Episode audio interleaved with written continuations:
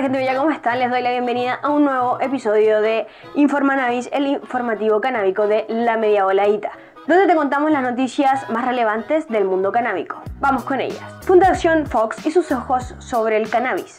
A Michael Fox, el actor conocido por Volver al Futuro, lo acompaña el Parkinson desde 1991. En 1998 lo hizo público y en el año 2000 creó una fundación dedicada a la investigación del Parkinson. Hace unos meses la fundación dio ciertas luces sobre el uso sobre el cannabis, ya que muchos pacientes de esta enfermedad ocupan el cannabis como tratamiento complementario. Se realizó una encuesta donde participaron más de 1.900 personas con Parkinson, donde más de la mitad informó leves beneficios a la hora de dormir en dolores e incluso algunos informaron disminución en sus medicamentos. Sin embargo, también se encontraron algunas personas a las que le creaba efectos secundarios como mareos, cambios cognitivos y sequedad en la boca. La fundación sigue realizando investigaciones y reuniones con diversas entidades que tienen que ver con el Parkinson y pretenden tener resultados más contundentes a fin de año.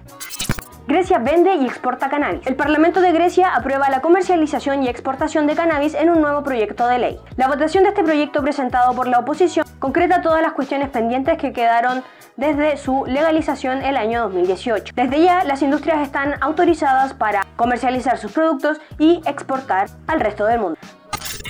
Luxemburgo tras la legalización recreativa de cannabis. El jueves pasado se volvió a discutir en el Parlamento de Luxemburgo el uso recreativo del cannabis. La propuesta daba la posibilidad a que las personas que estuviesen previamente inscritas pudiesen acceder a aportar 30 gramos de cannabis mensuales, aunque no se puede consumir en lugares públicos. Además, los productos a base de cannabis deben ser elaborados en el mismo país y no es legal el autocultivo. Serían cerca de 14 las autorizaciones que van a estar disponibles y estas no pueden estar cerca de ningún recinto escolar.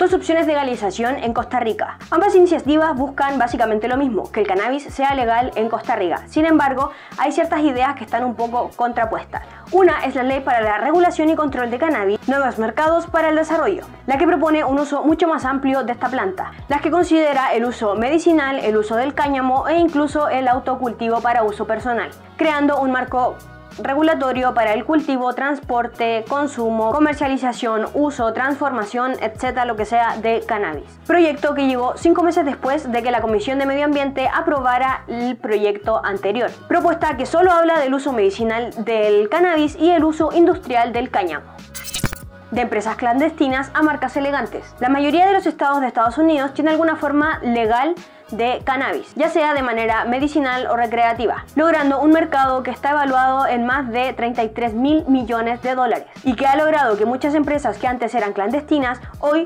logren ser elegantes marcas y reconocidas a nivel mundial. Así lo deja en evidencia un artículo publicado en Chicago, el cual habla sobre una suerte de purgatorio que habrían tenido varias firmas que habían estado en las sombras y ahora pueden salir a la luz decomisan 30.000 plantas de marihuana. Autoridades del condado de Josephine, en Portland, incautaron y destruyeron 30.673 plantas de cannabis.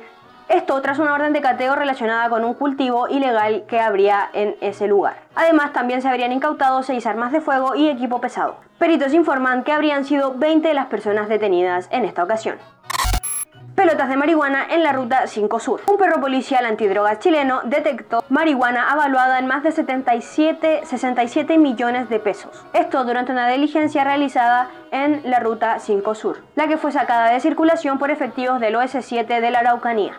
Esto habría ocurrido durante un control preventivo en el que habrían detenido a una persona de 25 años quien portaba más de 6 kilos de marihuana en su vehículo.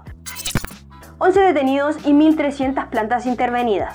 11 personas fueron detenidas en una operación en Córdoba luego de desmantelar una plantación indoor en las inmediaciones de Villarrubia, donde se encontraron 1.300 plantas de alrededor de 2 metros de altura cada una. Esta es una de las incautaciones más grandes que se ha realizado en la ciudad y fue planeada con meses de anticipación. También se incautaron 15 sistemas de refrigeración y 184 focos halógenos.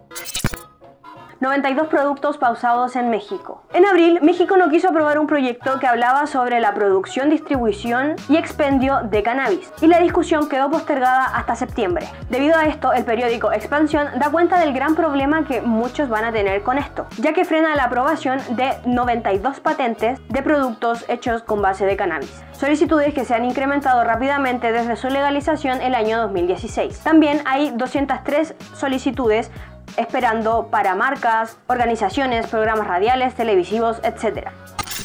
Sanciones en Colombia. En el mercado nacional de Colombia se pueden encontrar una gran diversidad de artículos fabricados a base de cannabis. El problema es que no todos cumplen con las normas establecidas. Esto debido a que dentro del marco legal se contempla solamente a la flor de la planta y no sus hojas ni sus semillas, productos que a veces son utilizados ya que estamos hablando del cannabis medicinal. Y bueno, hasta aquí el recuento de las noticias de la semana que han sucedido en el mundo canábico. Espero esta información te haya gustado. Yo llego hasta aquí, te deseo una muy buena bola y nos vemos en un próximo video. Gracias.